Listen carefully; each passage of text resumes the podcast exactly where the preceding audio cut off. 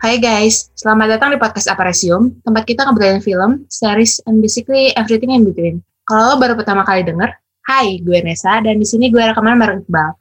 Hai, Halo, halo, halo Skrull. wah itu kayak pembukaannya apa sih? Break, BCU, breakdown, iya, Background Cinematic Universe. ya itu. Tapi emang tokoh Skrull emang paling ngeselin sih. Ya, kenapa ngeselin nanti deh gue omongin. gue udah nahan-nahan nih dari siang pengen ngomong itu setelah pening. Sampean juga gue. Halo, Nesa. Eh, ini termasuk minggu yang sibuk nggak sih? Soalnya kan kita ada Golden Globes sama eh, hari ini baru aja diumumin kalau di Indonesia-nya Piala Maya. Itu Golden Globe sama Piala Maya itu termasuk penghargaan yang satu sama dengan sama ya. Maksudnya Iya. kalau Citra itu kan dengan Oscar. Nah Golden Globe ini Piala Maya-nya versi luar. Jadi sama lah yang satu ngomong ngumumin, yang satu lagi juga ngumumin tapi belum semua ya. Em, berarti sebelum kita ngomongin rekapan, kita ngomongin sedikit soal Golden Globe aja sama Piala Maya yang kemarin sempet ngumumin beberapa pemenangnya ya. Kalau Piala Maya, kalau Golden Globe udah semua. Oke. Golden Globe apa nih yang menurut lo ah, ternyata itu mengejutkan pemenangnya? Ada nggak? Hmm, kalau yang Best Picture udah jelas ya, Nomadland tuh kayaknya udah bukan sesuatu hal yang aneh. Yep. Oke. Borat juga ya udahlah. Nah ini nih, Oh. mungkin yang eh banyak orang ngiranya dia nggak menonjol, tapi karena gue belum nonton filmnya, gue kan nggak bisa komen ya. Eh Hmm. Andra Day di Best Actress Motion Picture Drama. Lu Dia udah tuh main di belum? yang yang mana sih filmnya? Nih, United States versus Billie Holiday. Oh enggak deh, enggak enggak. Gua belum. Baru pertama tahu nih ada judul film ini. Kayaknya belum ada juga deh di Indonesia. Masih susah juga ngaksesnya. Iya. Kayaknya itu film artsy-artsy gitu sih. Gue tuh kemarin pas eh, Golden Globe pengumuman ada satu sebenarnya yang ganjal ya. Filmnya Rosamund Pike itu kan a lot apa? Film namanya. A Care A Lot ya. Iya. itu film A Care A Lot itu ternyata masuknya ke musikal komedi ya? Atau drama? Masuknya komedi. kenapa komedi ya? Maksudnya gue aneh lah Ini Itu kan- musikal komedi Itu kan emang masuknya black comedy thriller. oh jadi maksudnya genre komedi ya Iya. Soalnya gue pas eh, masukin film itu di Twitter, gue nggak ada genre komedinya kok. Tiba-tiba dia menang. Gue kemarin nggak terlalu, berarti nggak terlalu merhatiin dia masuknya ke nominasi apa. Ternyata dia menangnya di genre musikal komedi ya. Musikal atau komedi. Eh, aneh sih. gue nggak nemu ini. Film ini bukan musikal tapi bukan film komedi juga kan. Tapi tahu-tahu menangnya di genre itu. Kirain gue kalau drama oke lah. Itu drama banget yang filmnya ternyata itu masuknya ke black comedy ya dia bilang black Iya. comedy sih iya BTW itu yang menang tuh si Rosamund Pike-nya. Filmnya nggak menang. iya hmm iya kan dia kan eh, aktris dari genre itu kan makanya dia Iya. punya masalah filmnya ternyata filmnya kan eh, bukan Kalau film musikal komedi mah udah jelas itu mah Borat kan. Betul. Nah, ini nih. Kalau yang animasi akhirnya Soul menang. Pilihan gue, eh pilihan lu Soul ya. Pilihan gue itu Pilihan gue. Anwar. Pilihan gue Anwar. Dan ternyata Minari yang dari USA menang dari foreign language. Ah, itu sih udah. Oh iya ini ya, yang itu tuh eh Arrow Down Round kalau nggak salah judulnya. Yang ada Matt Kelsen itu. Itu kayaknya filmnya ada yang review jelek di Twitter, tapi ternyata dia menang juga di Golden Globe ya. Film apa? Eh, yang Around apa loh, gue lupa judulnya. Pokoknya ada Miss Russell. Ya udahlah. Terus gue seneng karena The Crown akhirnya ngeborong. Eh, The Crown tuh kan menang Best Drama, terus Hmm. eh, Best Actor, Best Actress, Hmm. sama Best Supar- Supporting Actress juga. Hmm. Kayaknya itu harus masuk watchlist wajib dari nonton The Crown. Tapi ah seasonnya sudah banyak. Udah sih kayaknya yang lainnya nggak ada hal yang mengejutkan gitu maksudnya. Berarti kalau dari pemenang Golden Globe ini eh, pemenangnya bisa dibilang sesuai dengan ekspektasi kita lah ya. Nis. Iya. Nggak ada yang, yang aneh lah. Kalau Oscar kan kecuali mungkin Minari doang yang aneh masuk eh, Itu kan- nominasi ke situ dan dan menang. mungkin aneh cuma itu. Yang aneh Yang tuh lainnya nominasinya dia. iya masuk nominasi dan dan menang maksud gua eh foreign language dan itu dari negara USA aja udah aneh gitu dan ditambah menang hmm. tapi ya dibanding nominasi yang lain emang Minari bagus sih mau gimana tapi menurut lu Minari sama Nomadland bagus mana eh kalau secara nilai gue ngasih nilainya sama sih 4,5. Hmm. tapi Eh gue lebih suka Nomadland. oke oke oke Dan kalau ke Oscar ya gue lebih dukung Nomadland lah. kita lihat nanti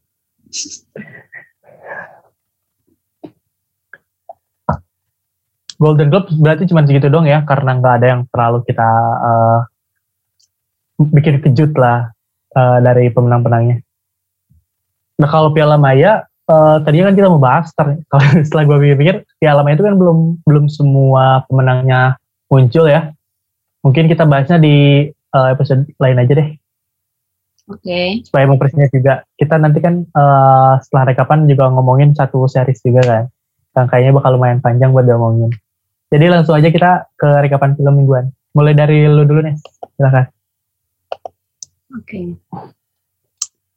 Minggu ini tuh gue nonton eh, tiga series. Sebenarnya nggak tiga sih. Soalnya yang dua series itu ditontonnya kan per eh, mereka munculnya per minggu tuh satu episode. Jadi dihitungnya nggak nggak full tiga tiga series ya. Iya, karena selesainya minggu ini lah gitu ya. Iya. Iya, iya, oke, oke. Yang pertama itu Dickinson season 2. Eh lu udah nonton season pertamanya belum? Di Gibson aja gue nggak tahu.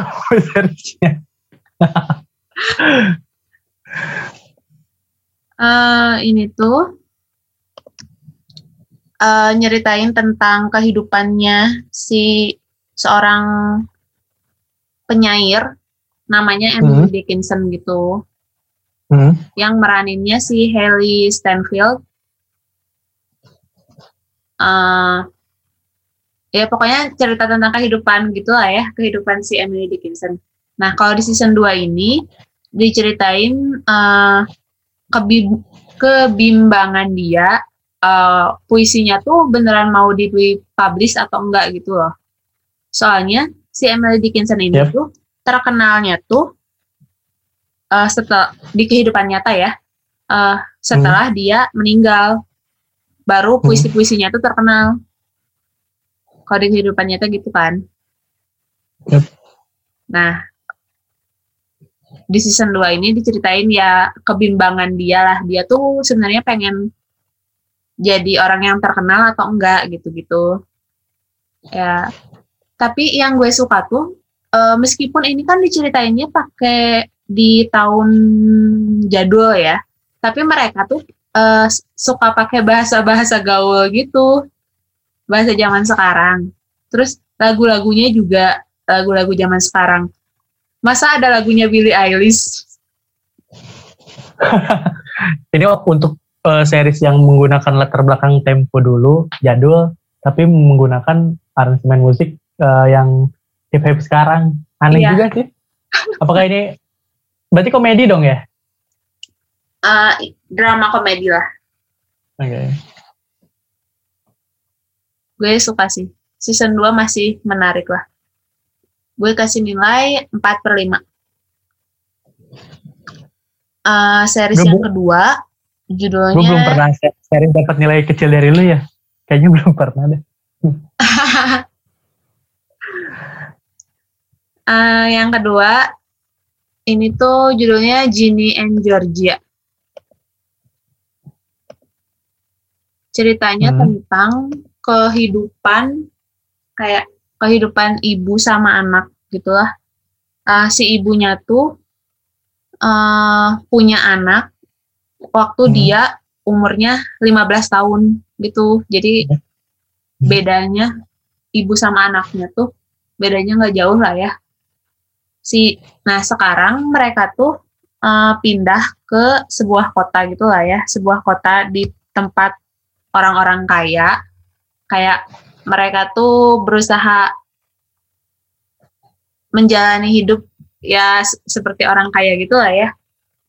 Eh, tapi diceritain juga eh, si ibu tuh, si ibunya tuh kayak punya masa lalu kelam gitu, kayak dia tuh udah ngebunuh siapa aja gitu gitulah. Pokoknya ada misteri-misterinya juga. Hmm. Ini cocok lah kalau misalkan suka sama series teen girl yang kayak Gilmore Girls, Dermy, Euphoria, eh, tapi ada bumbu-bumbu crime-nya juga kayak How to Get Away with Mur- Murder. Gitu. Ini lumayan ringan sih tapi gue kasih nilai 3,5. Oh, lebih rendah ya. Gue dengar ada euforia euforia di situ, tapi ternyata dapat eh, ratingnya lebih rendah dari yang tadi.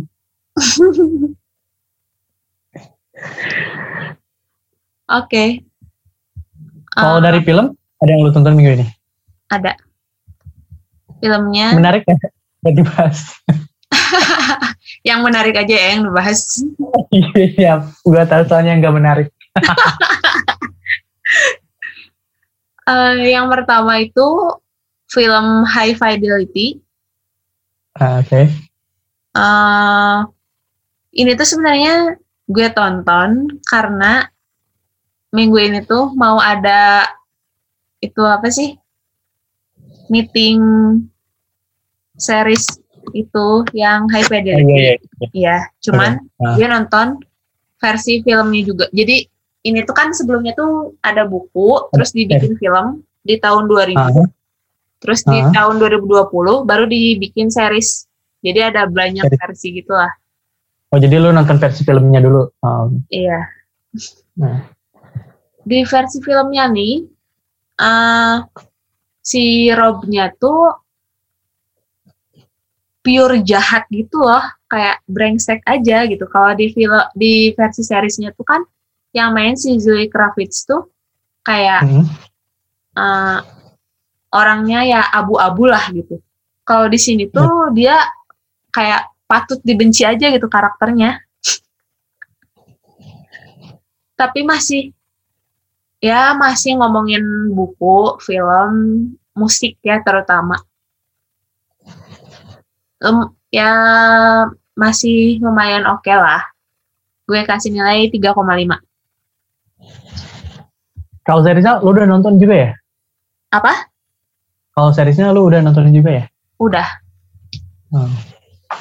Berarti mending lebih baik seriesnya kah atau filmnya? Gue lebih suka seriesnya. Tentu saja. Lebih banyak ke explore aja gitu. Pasti sih series kalau nggak di tangan yang tepat adaptasi sebuah series menjadi film atau sebaliknya pasti sulit membandingkan. Iya. Terus yang gue suka tuh di film tuh si Robnya tuh kan cowok, tapi di series diganti jadi cewek gitu. Ada alasan spesifiknya kenapa diganti? Eh, nggak nggak diceritain secara rinci sih, cuman menurut gue ini kalau di seriesnya tuh eh, versi woke-nya lah. Soalnya kan cast-nya juga si Zoe kan Iya. black, eh, terus dia juga queer gitu, perempuan lagi. Jadi lebih diverse aja si ceritanya.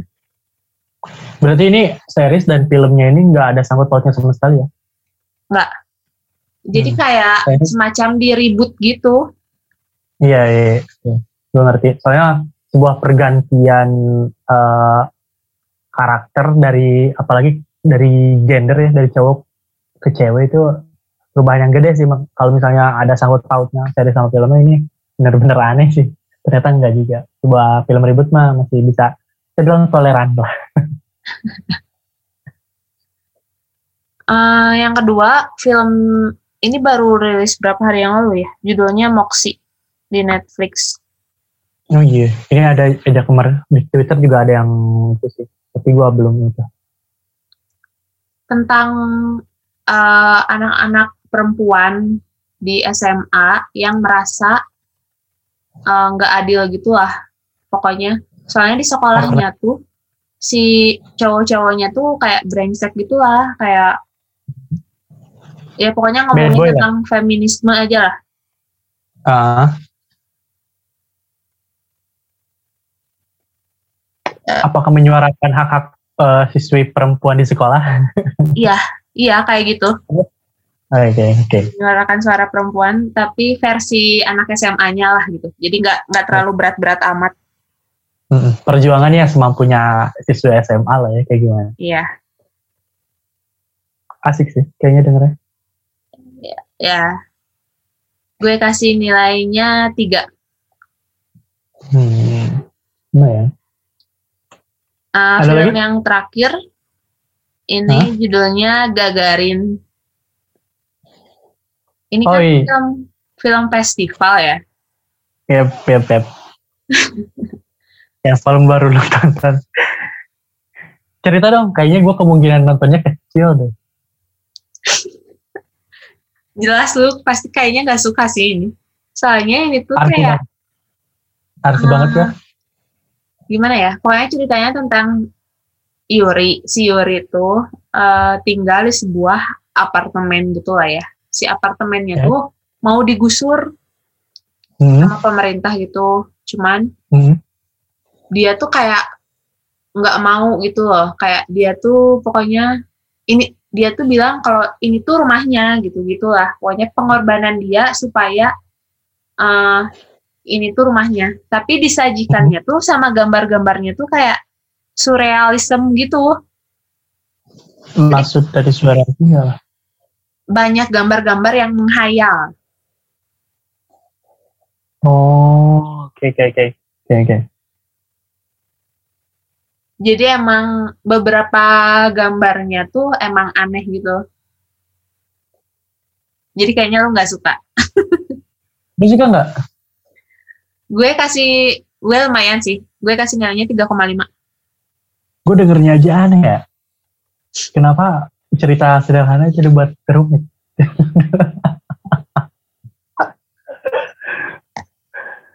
Ada lagi? udah Nggak ada guest and?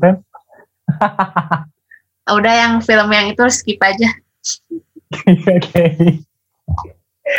Oke, Glenn gue ya. Eh, rekaman minggu ini gue nonton dari librarinya video.com karena lumayan ada paket lah dari sebenarnya gue tujuan video.com itu buat nonton football tapi karena banyak juga lumayan lembar filmnya yang belum gua tonton dari Indonesia. Gua setelah gua kocek-kocek ada enam film Indonesia yang belum gua tonton dan gue lumayan tertarik buat nonton. Gua kah berarti eh sebenarnya ada dua lagi film lain tapi gua nggak terlalu tertarik buat ngomongin. Gua ngomongin soal enam film dari video.com aja ya.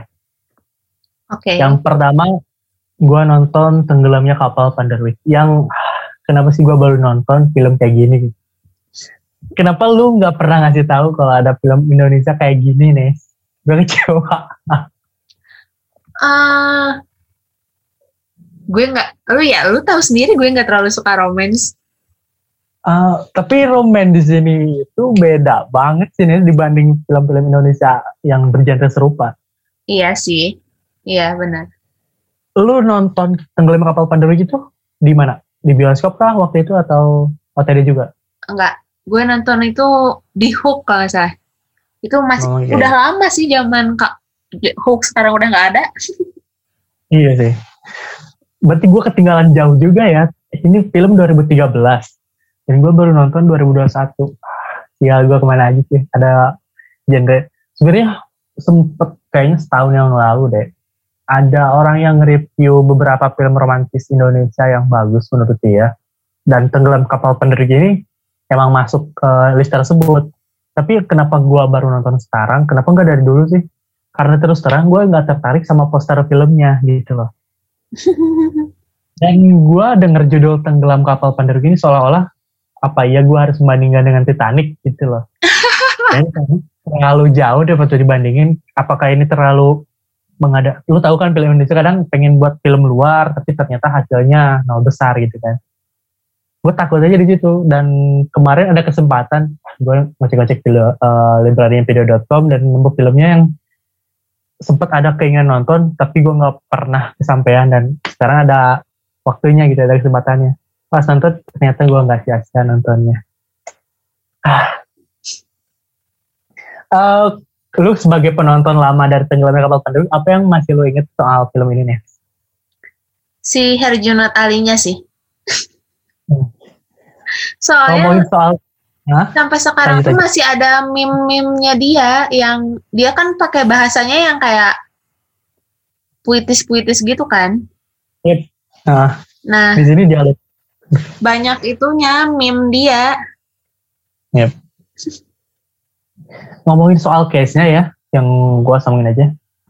Herjunot Ali di sini tuh kuat banget ya karakternya dan penyampaiannya karena dia berdialog dia bandingin orang Makassar yang berdialog eh pakai bahasa Minang di sini tuh ya. Iya. Tapi terasa banget itu kultur Minangnya dan Makassarnya juga nggak ketinggalan. Kadang ada mungkin gue bilang bahasa bahasa sedikit dari aksen-aksen Makassar dari bahasa pengucapan Minangkabaunya. Coba yang menurut gua kurang itu Pevita Pierce di sini nggak terlalu bisa disejarkan gitu loh dengan Herjunot Ali actingnya. Apa mungkin Pevita Pierce waktu itu karena masih belia kan? Nggak tahu ya. masih 2013 mungkin beda banget sama actingnya sekarang. Tapi menurut gua Pevita Pierce di sini, hmm, kayak kayak berdialog pakai FTP aja gitu loh. Dan pengucapan dia pakai puisi-puisi dialognya seperti Herjunot Ali nggak kerasa dia lagi berpuisi sih nggak seperti Herjunot Ali lu pasti tahu nggak kemarin gue sempet ngepost video yang memorable banget di skin di scene uh, film ini? Ya, yang pas ah itu kan yang minta maaf dan dibalas sama Herjunot Ali. Iya, iya.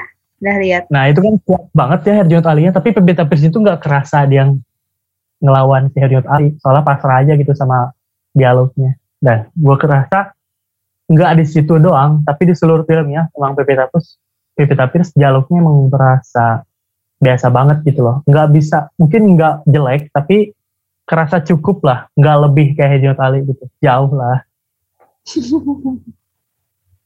Dan yang paling gua salut ya selain ada juga akhir film Indonesia yang bergenre romantis yang bikin gua terpukau. Setelah nonton film ini ternyata mungkin mudah juga mengkelas-kelasin. Sekarang ada film romantis Indonesia yang bagus. Gue bilang kelasnya bagus. Salah satunya film ini bukan salah satunya masih satu-satunya. Dibanding film-film romantis yang lain yang jelek banget ada yang standar lah. Paling banyak sih standar buat film Indonesia karena adaptasinya pasti dari FTP FTP ya gitu deh. Tenggelam kapal Pandri gue kasih skor 4 per 5 panjang juga ya sebuah review. Oke. ah selanjutnya gue nonton Supernova Kesatria Putri dan Bintang Jatuh. Em, ini tahun 2014 ya. Ternyata ini masih satu PH sama tenggelamnya kapal Pandarwis itu dari Soraya Enters Film. Tapi yang ngedireknya beda dan bukunya adaptasi. Kalau kalau itu kan dari Buya Hamka ya. Kalau ini dari di Lestari. Gue sih nggak apa ya kalau film Supernova ini lu udah nonton belum? Udah. Waktu itu pernah Udah kita juga. bahas di podcast juga. Oke, lu berarti masih baru-baru ya nonton ini? Iya. Nggak selama tenggelamnya kapal Pandawi? Gue ngerasa aneh sih dan bingung sebenarnya. Tapi gue suka gitu loh. Karena gue nggak nemu eh, resep serupa film kayak gini di film Indonesia yang lain gitu. Kalau gue nilainya gitu doang. Soalnya emang kalau dari novelnya itu eh, Hmm. emang kayak fantasi-fantasi gitu. Yep, fantasi banget. Tapi tetap gue lebih suka bukunya sih. Oh, lu pembaca bukunya ya? Gue enggak sih. Jadi nggak terlalu. Apa gambaran di bukunya sampai nggak di film ini? eh ini tuh kayak cuman lebih lebih ngomongin romansnya gitu kan. Kalau di Hmm. bukunya tuh eh, banyak adegan si Ruben sama si Dimasnya Ya, ya. kayak tektokan ngomongin tentang Bukunya yang kehidupan Hmm. yang politik lah gitu-gitu pokoknya kayak jadi nggak nggak nggak khusus ngomongin romance gitu Ya, det- lebih detail lah ya. Ada politisnya juga ternyata. Kalau di filmnya kan nggak ada banget sama sekali. iya Hmm, oke. Tapi ini uh, eh, lumayan seru karena mungkin ini resepnya resep baru ya buat film Indonesia. Ada yang kayak gini. Disebut baru juga enggak. Ini filmnya udah lama dari 2014. Nggak ada yang bikin film serupa mungkin. sayang sih soalnya ini kan Hmm. bukunya tuh ada enam Hmm, Hmm, ada lima enam deh ada enam benar ada enam gitu tapi karena filmnya nggak laku tuh jadi nggak dilanjut Oh iya, berarti kalau misal kalau misal aku ada kemungkinan lanjut ya. iya Nah, apakah kan kalau Indonesia punya film yang kayak gitu iya sih? Apa karena salah milih sutradara ya? Hehehe, maaf. maaf. gue kasih nilai 3,5 per 5 ya buat Supernova. Ini, gue ngomongin sutradara enggak. Oke, next. Yang film ketiga dari librarinya video.com, gue nonton Kartini. Nah, Kartini pun gue ternyata ekspektasi gue terlalu tinggi. Kartini juga terbilang nggak terlalu menonjolkan Kartini di sini dalam maksud gue biasanya kalau nonton biografi pahlawan Indonesia, gue pengen tahu nih kira-kira apa sih yang lebih jelasnya dia perjuangin gitu. Kalau Kartini kan lebih berpusat kepada dia di rumahnya gitu dan caranya dia bisa keluar rumah kayak gitu. Gue nggak nggak terlalu suka aja sih. Gue soalnya nilai tiga. Kalau Kenapa? Hanung, ini kan Hanung tuh biasanya kalau bikin yang ngedirect tuh kayak menimbulkan sesuatu yang baru dari si karakter itu. Kayak misalkan Soekarno nih, kalau di, di buku-buku sejarah tuh kan diceritain si Soekarno tuh kayak bener-bener berjiwa patriotisme gitu-gitunya kan. Nah, sedangkan Ya. kalau di filmnya Hanung tuh malah milih eh, buat nyeritain kalau si Soekarno tuh kayak semacam fuckboy lah ya. Soalnya kan setiap dia pindah tempat, dia tuh nyari eh, Trik. dapat cewek gitu, ngedeketin Hmm. cewek baru gitu kan. Jadi setelah kita nonton tuh, kita tuh dapat perspektif baru. Makanya Iya dari Hanung- karakter. di Kartini juga Hanung ngambil pendekatan yang serupa gitu.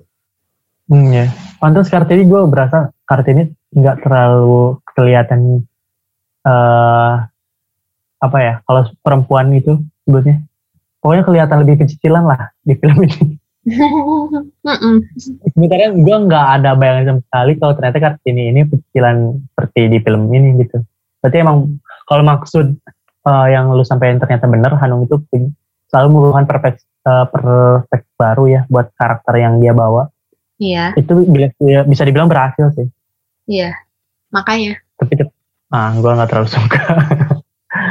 Next film keempat ini Mencari Hilal yang main Oka Antara sama Deddy Sutomo.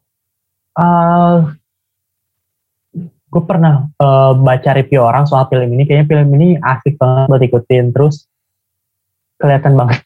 Ini film kalau gue lihat sih biayanya pasti murah banget ya. Iya sih, bener. apa sih yang mau di ma- buat mahal gitu loh di sini yang paling mahal cuma bayar antara doang Eh, tapi itu, itu itu kan film lama, Oka pasti masih murah lah. Oh iya lalu parah lu nih 2015 ya ini filmnya. Uh, genrenya drama family berarti kalau misalnya lu bilang oh kamu murah apa dong yang bikin mahal dari eh lu kalau udah nonton menurut lu filmnya kayak gimana? Udah lupa ceritanya kayak gimana. gue tuh judulnya Gak ada yang terlalu- memorable kayaknya gue. Oke, kalau gue ya dari judulnya pun kayaknya ini udah ketebak filmnya bakal seperti apa dan ternyata benar bakal kayak gitu. Ya meskipun mungkin bumbu-bumbunya setiap dia mencari jalan atau mencari tanda lah ya, bisa mencari tempat buat eh, lihat hilal itu pasti ada aja lah perkaranya. Tapi menurut gue perkara-perkaranya itu nggak terlalu wah banget karena konfliknya kan ini lebih ke ayah dan anak ya Iya. dan perkara-perkara yang ditemuin di jalan itu nggak ada sangkut pautnya sama mereka berdua ya jarang lah biasanya kalau lihat film yang ada adventure-nya mungkin jalan-jalannya gitulah. Terus eh, karakter yang di jalan ini selalu nemu masalah yang ada sangkutnya sama eh, mereka berdua gitu. kalau di sini tuh kayak ya udahlah itu masalah-masalah biasa aja gitu loh. Nggak nemu yang berat berat. Tapi karena ini masih masuk akal gue ngasih nilai juga 3 per 5 Kalau nggak salah ini masuk FFI deh. Tahun berarti tahun 2000 berapa? 2016 dong. Apanya ya yang menang ya? Sempat menang Oh, ada. Masuk nominasi atau ada yang menang? Ada yang menang tapi lupa apa yang menang. Apa yang paling menonjol di sini? Posternya biasa, musiknya biasa juga. Masa sutradaranya menang tidak mungkin. Oka Antara juga nggak terlalu wah. Nggak tahu sih gue apa yang menang. Nanti kita cek lagi aja lah. Oke, Em, dua film lagi ya. Yang kelima itu judulnya Atirah dari Riri Riza. Yang nulis Salman Arifin sama Riri sendiri. Yang main Susmini sama... Ini ternyata 2016 ya. Ada Christopher Nelwan sama Indah Permatasari. Gue sempet baca dulu case-nya ada Indah Permatasari. Terus gue lihat filmnya mana. Kata gue Indah Permatasari di mana. Ternyata Indah Permatasari di sini masih cilik banget ya. Tahun Yang segitu Indah masih baru banget lah. Iya 2016. Cuman yang gue sayangkan di video.com tidak ada subtitle bahasa Indonesia, sementara ini pakai bahasa Sulawesi. Ya, gue nggak terlalu ngikutin jadinya gimana ceritanya. Apa sih yang di konflik itu gue nggak tahu. Oh di video nggak ada? Nggak ada masalahnya itu. Kalau film-film kayak tadi tuh apa sih? Eh Kartini tuh kan ada bahasa Jawanya itu ada Indonesia. Iya.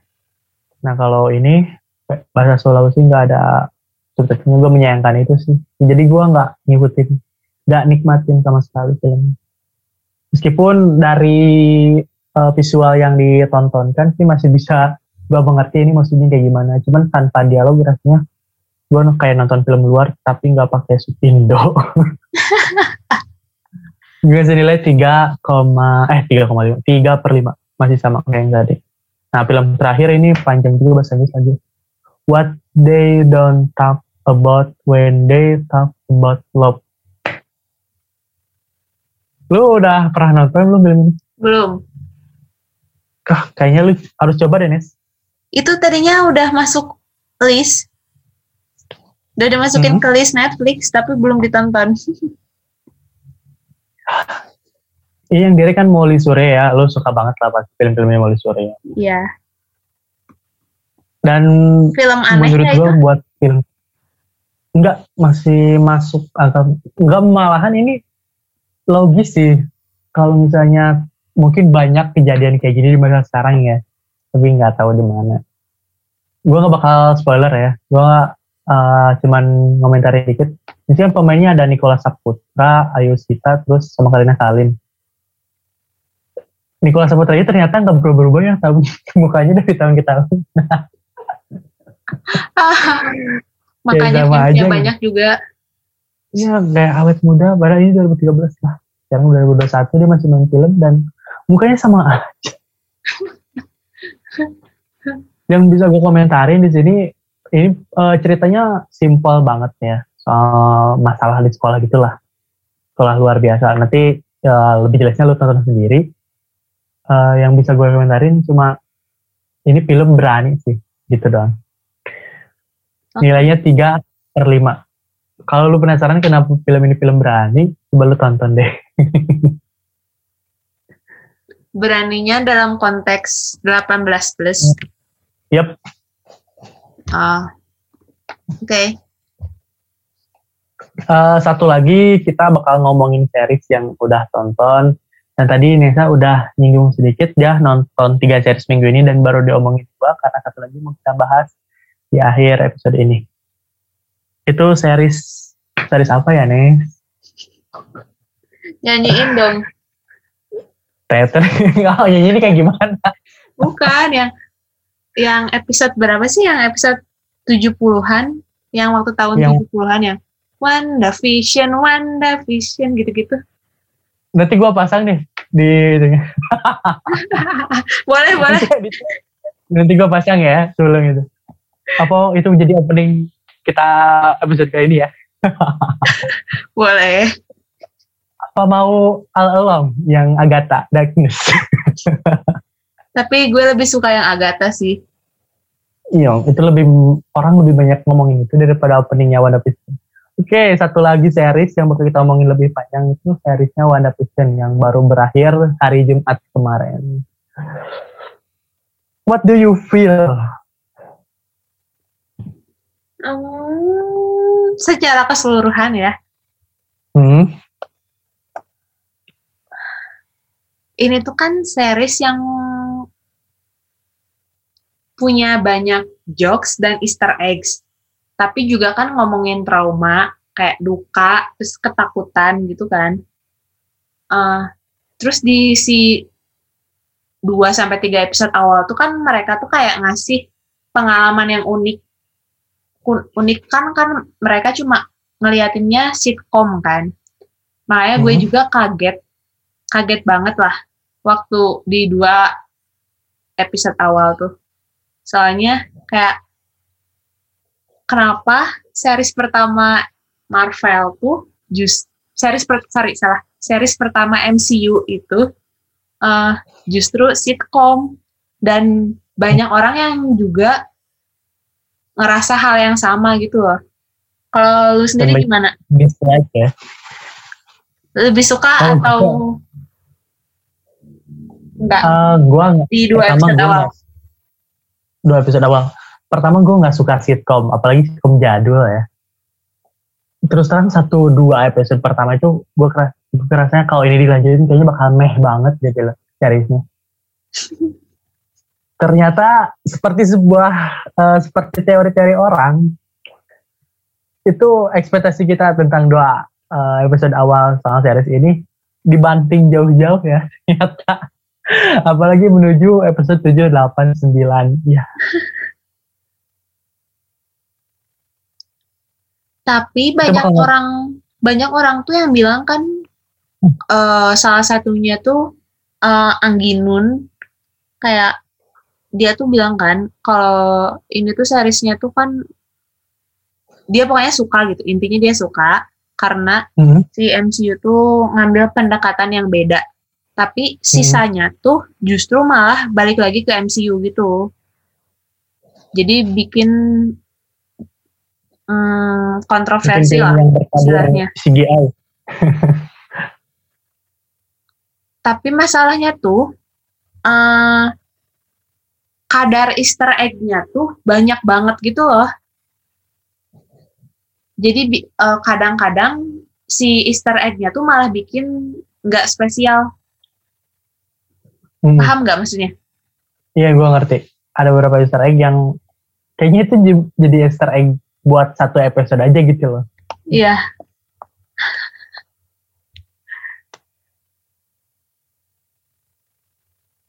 Eh, Easter egg apa yang yang inget banget?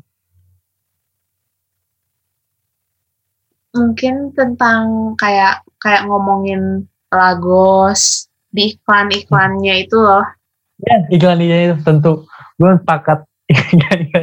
Iklan di iklan ini kayak ngomongin Stark Industry gitu-gitu. Ah, Iya. Mungkin kalau orang yang benar-benar baca komiknya tuh mereka bakal seneng banget kali ya. Ya, nama Easter, egg. gitu. Um, selain dari Easter egg, dua episode awal yang ternyata ini sitcom banget ya. Terus terang Nes, terus eh, sebelum tahu Agatha ini seorang penyihir, pas eh, series ini masih banyak sitcomnya, 1, 2, 3, 4 lah. Lu berteori nggak kalau sebenarnya Agnes ini tokoh eh, antagonis di sini? Eh, enggak sih, soalnya kan gue nggak nggak bener-bener nggak baca Komik. komiknya kan, nggak Hmm. paham lah. Terus gue tahu MCU ya dari film-filmnya doang kan, Hmm. jadi belum belum tahu. Tapi setelah baca-baca dan menonton video TikTok, yang membantu ternyata ya. ya ketahuan kan.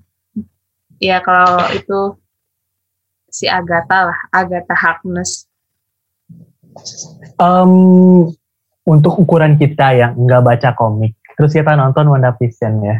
Tentu kalau udah nonton satu episode eh, setiap minggu pasti kita penasaran kan apa sih esernya, apa sih teori yang bisa diambil dari episode ini. Nah, kayak gue misalkan, gue baca, eh gue nonton episode 5, terus gue lihat review orang yang baca komiknya dan terus gue percaya percaya aja sama teori-teori yang mereka bawaan gitu. Kalau di next episode bakal ada siapa siapa. Dan itu menumbuhkan ekspektasi gue ya kalau kemunculannya bakal ditunggu-tunggu. Gitu. Mm-mm. Dan ternyata dibanting juga sama Marvel. Kampret juga Marvel ini ya. gue tuh kasihan banget sama Mephisto yang hampir setiap episode, mungkin dari episode 3, dia sudah dituduh terus-terus. Jadi dalang di sini ya. Kemarin banyak meme-nya kan yang si Mephisto. Iya, iya. Yang paling lucu tuh dia dituduh padahal dia cuma diem aja gitu. Ngapain sih gua? Gua cuma diem aja tadi.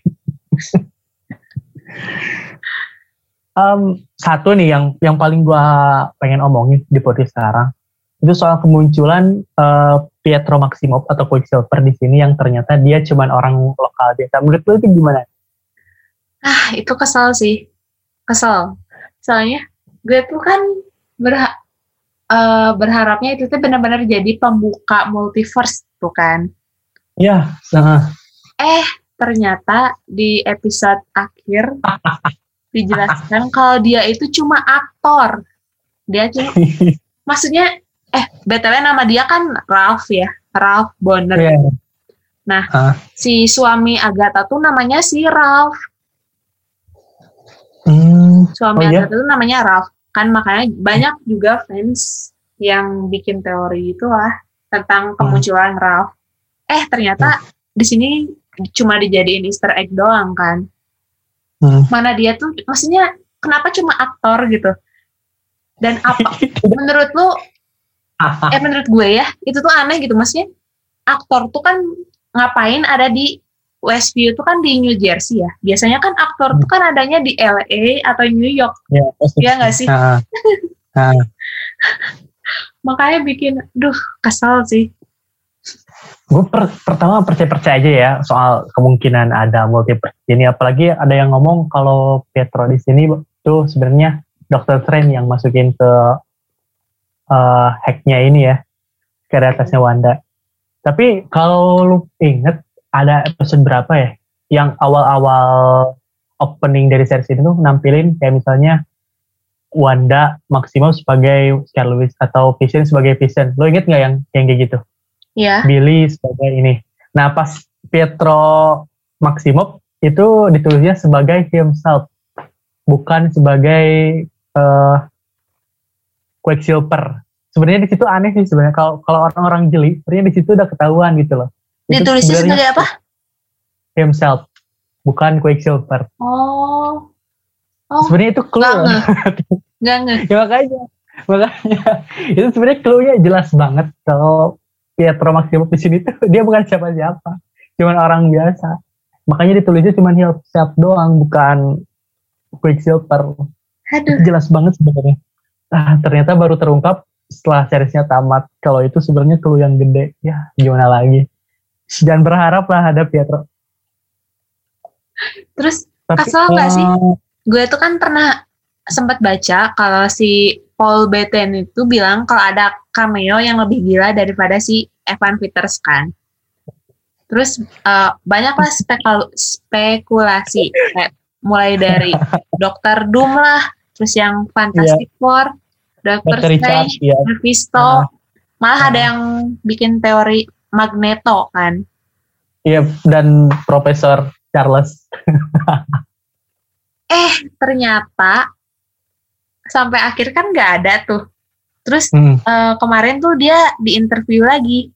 Terus dia bilang kalau cameo-nya itu White Vision. kan bikin emosi gitu. itu itu mah dia sendiri. Ya makanya jadi si Paul Bettany-nya tuh kayak ngeprank fan-fansnya gitu. Makin menumbuhkan harapan buat orang yang nonton ya.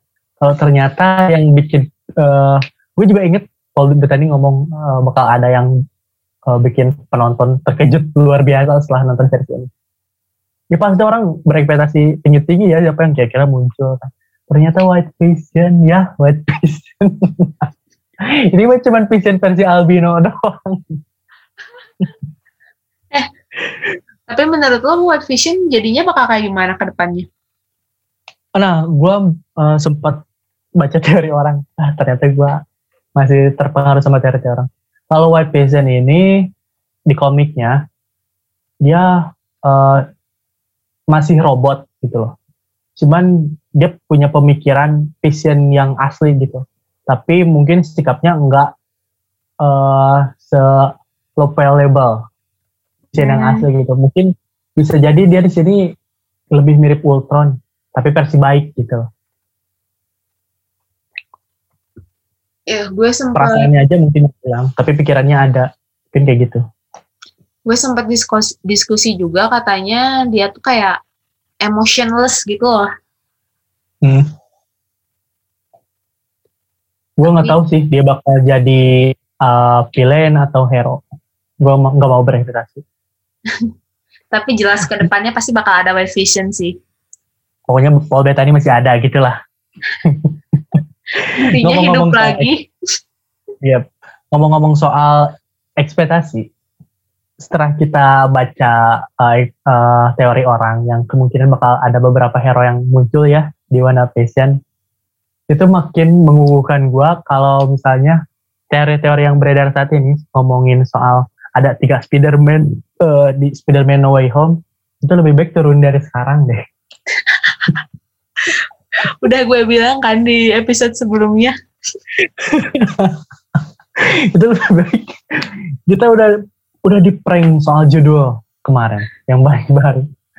Ah, apalagi soal penghayatan kita bakal ada tiga Spiderman kan situ. Lebih baik kita tunda dulu deh. Kemungkinannya ada nggak sih? eh, kalau misalnya lu suruh nebak nih, kemungkinan pertama kali munculnya multiverse itu kira-kira di series atau film apa menurut lu? Ya di Doctor Strange. Nah, kan kita ada beberapa series dan film ya sebelum Doctor Strange nanti di tahun 2022. Ada Loki yang kemungkinan juga masalah perjalanan waktu. Oh iya Loki tuh bisa jadi. Ada. Eternal nanti. Ada Kenapa? Loki bisa jadi. Uh, terus ada Spider-Man juga kan nanti. Lebih baik kita tunda ekspektasi soal multiverse ini sampai nanti ke Doctor Strange yang udah jelas-jelas dari judulnya ada multiverse-nya lah ya. Lebih baik kita tunda dulu. Berharap soal ada tiga Spider-Man di satu film, lebih baik kita tunda dulu deh. Selesaian dulu aja. Masih lama itu.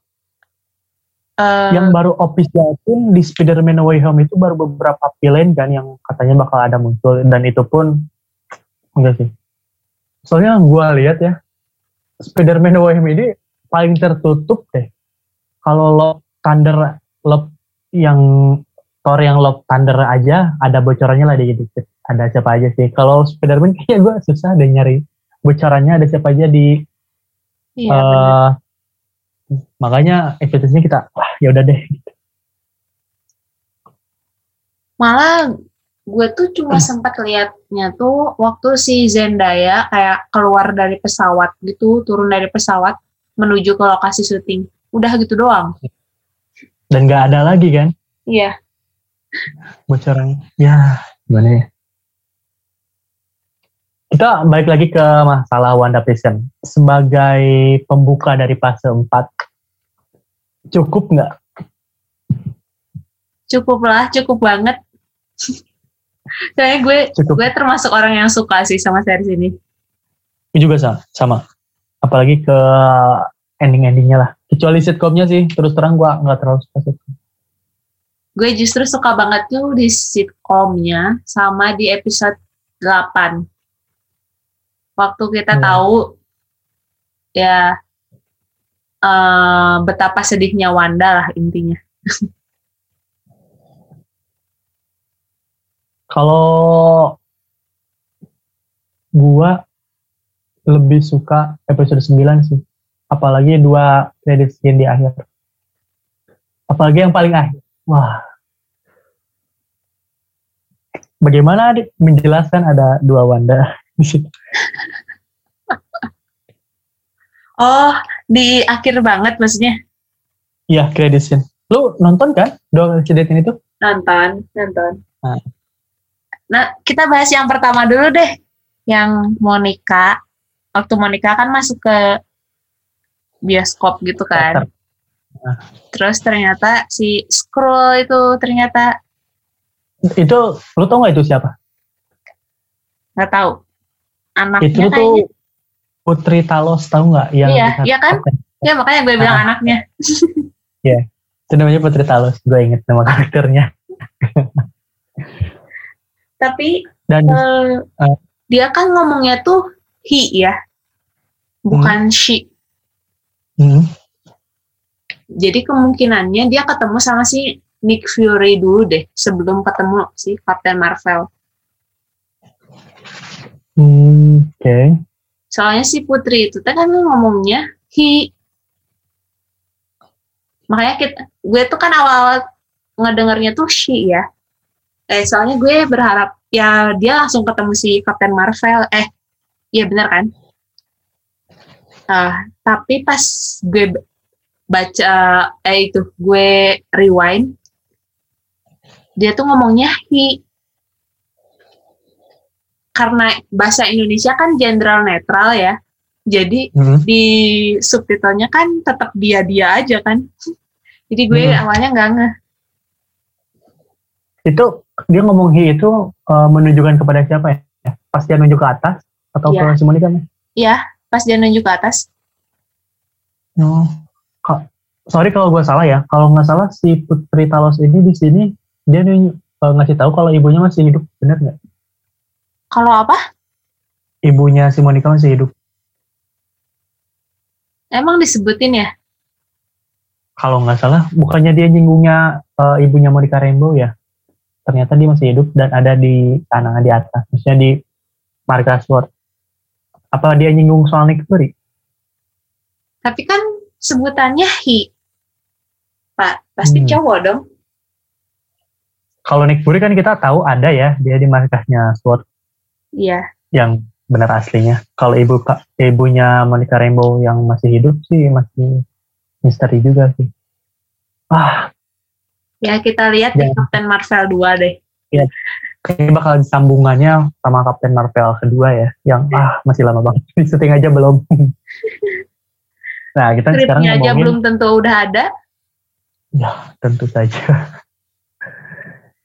kita sekarang ngomongin credit scene keduanya ya. Bagaimana tanggapan?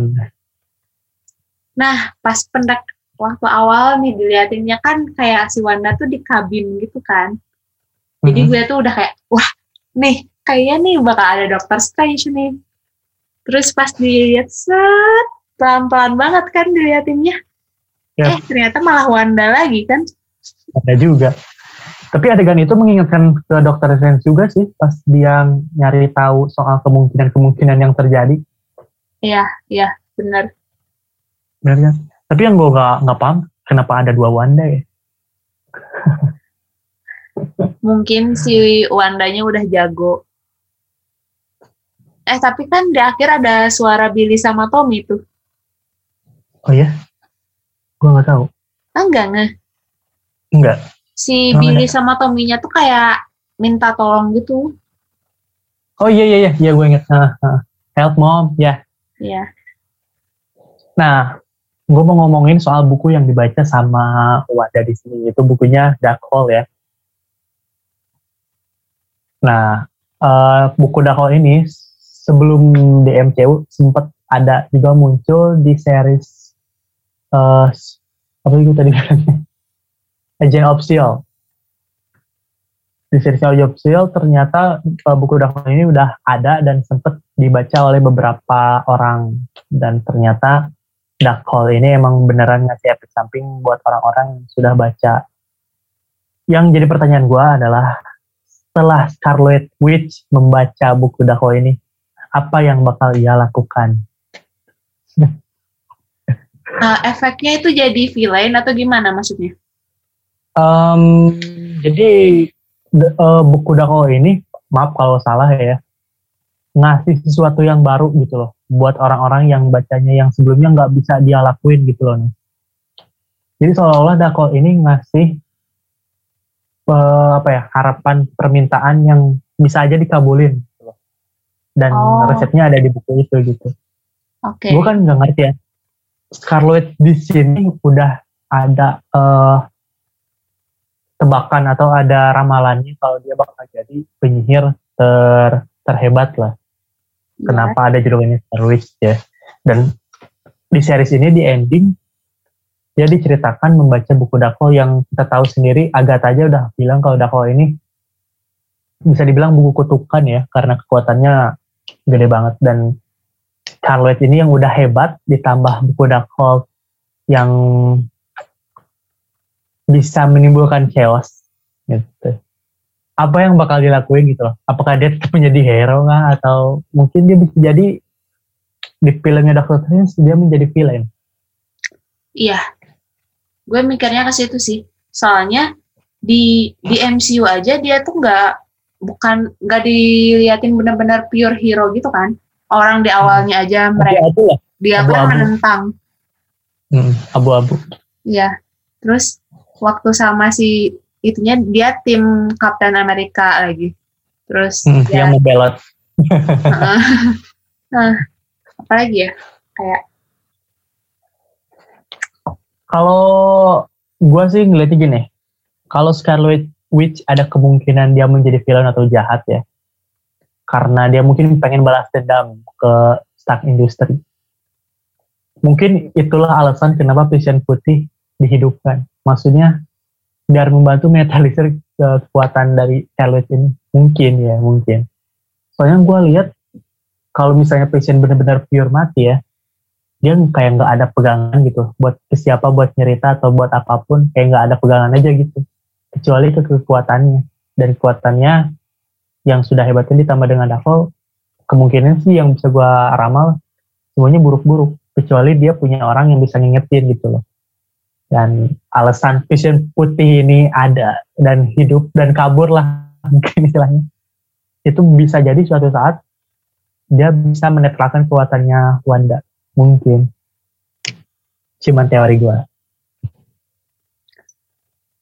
eh, ini tuh kan gue kemarin sempat baca juga kalau si Agnes itu di komiknya tuh kayak jadi gurunya si Wanda gitu.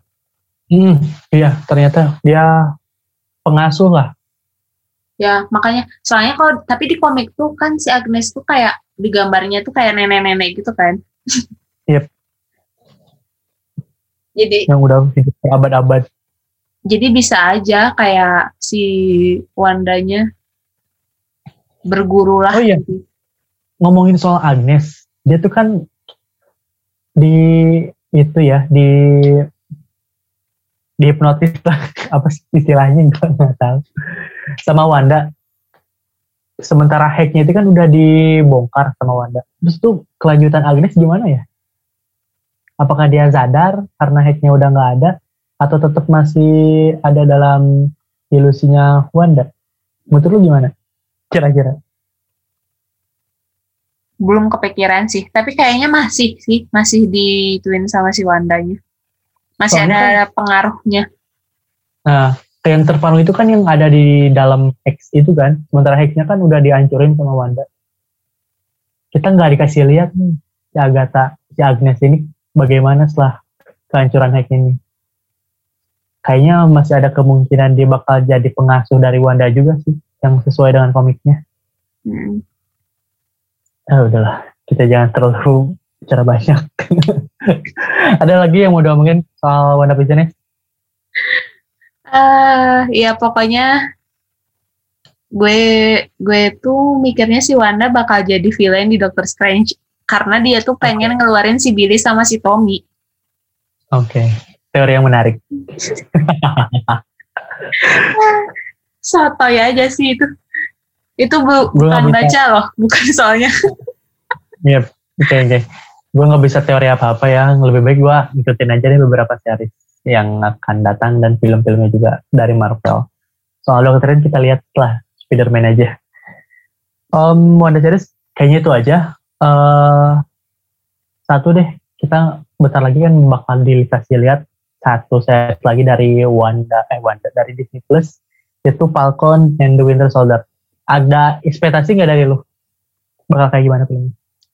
Seriesnya? Hmm, enggak sih, soalnya itu kan kayak lebih kayak military gitu kan. Hmm. Eh, Kalau- kalau kalau military-military gitu kayak action action full action gitu kayaknya deh, tapi nggak tahu sih. Nah. Jadi gue kayaknya Nah. kurang tapi tetap bakal ngikutin juga kan mingguan nonton. ya pasti sih. Nonton mah pasti nonton. Nah kalau yang gua tahu katanya Falcon and the Winter Soldier ini yang bisa dijual adalah ternyata ini bakal dikasih nuansa film, cuman emang dikasih episode aja gitu ada 6 episode kan dari Winter Soldier ini. Nuansa film yang bisa dibawain jadi sebuah series ya. Marvel mah nggak nanggung-nanggung kalau ngeluarin budget sih. Eh, Kalau udah vision aja katanya Cuma satu 6 episode. Iya, cuma 6. Oh, satu eh, episode WandaVision ini 25 juta US dollar kalau nggak salah. iya Nggak tahu pun. benar. Bener kan? Iya. Dan ini bisa bikin satu film dari belum post production. Bikin film horor. Makanya gue gue juga kaget soalnya ini tuh harganya lebih mahal dari satu episode Game of Thrones. Oh iya. Game of Thrones itu 15 sampai 20 juta per episodenya. Ini 25 juta kan gila. Dari 5 sampai 10 juta kan bedanya gila jauh banget.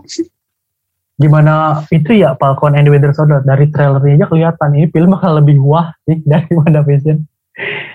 Apa kabar dengan nominal budgetingnya? Kayaknya yang mahal tuh bayar si Elizabeth Olsen sama si Paul Bettany-nya deh. Apakah Bucky dan Falcon itu murah? Nggak tahu juga ya. Oke, pokoknya soal ngomongin WandaVision dan eh, beberapa teori dari MCU ya, mungkin next episode bakal kita bahas eh, dengan mengundang orang yang lebih tahu lah soal MCU ya, lebih menarik kan? Oke. Sebelum kita tutup, ada yang mau omongin lagi soal episode kali ini? Udah cukup deh. Cukup ya. Udah sejam setengah loh ini. Masa sih?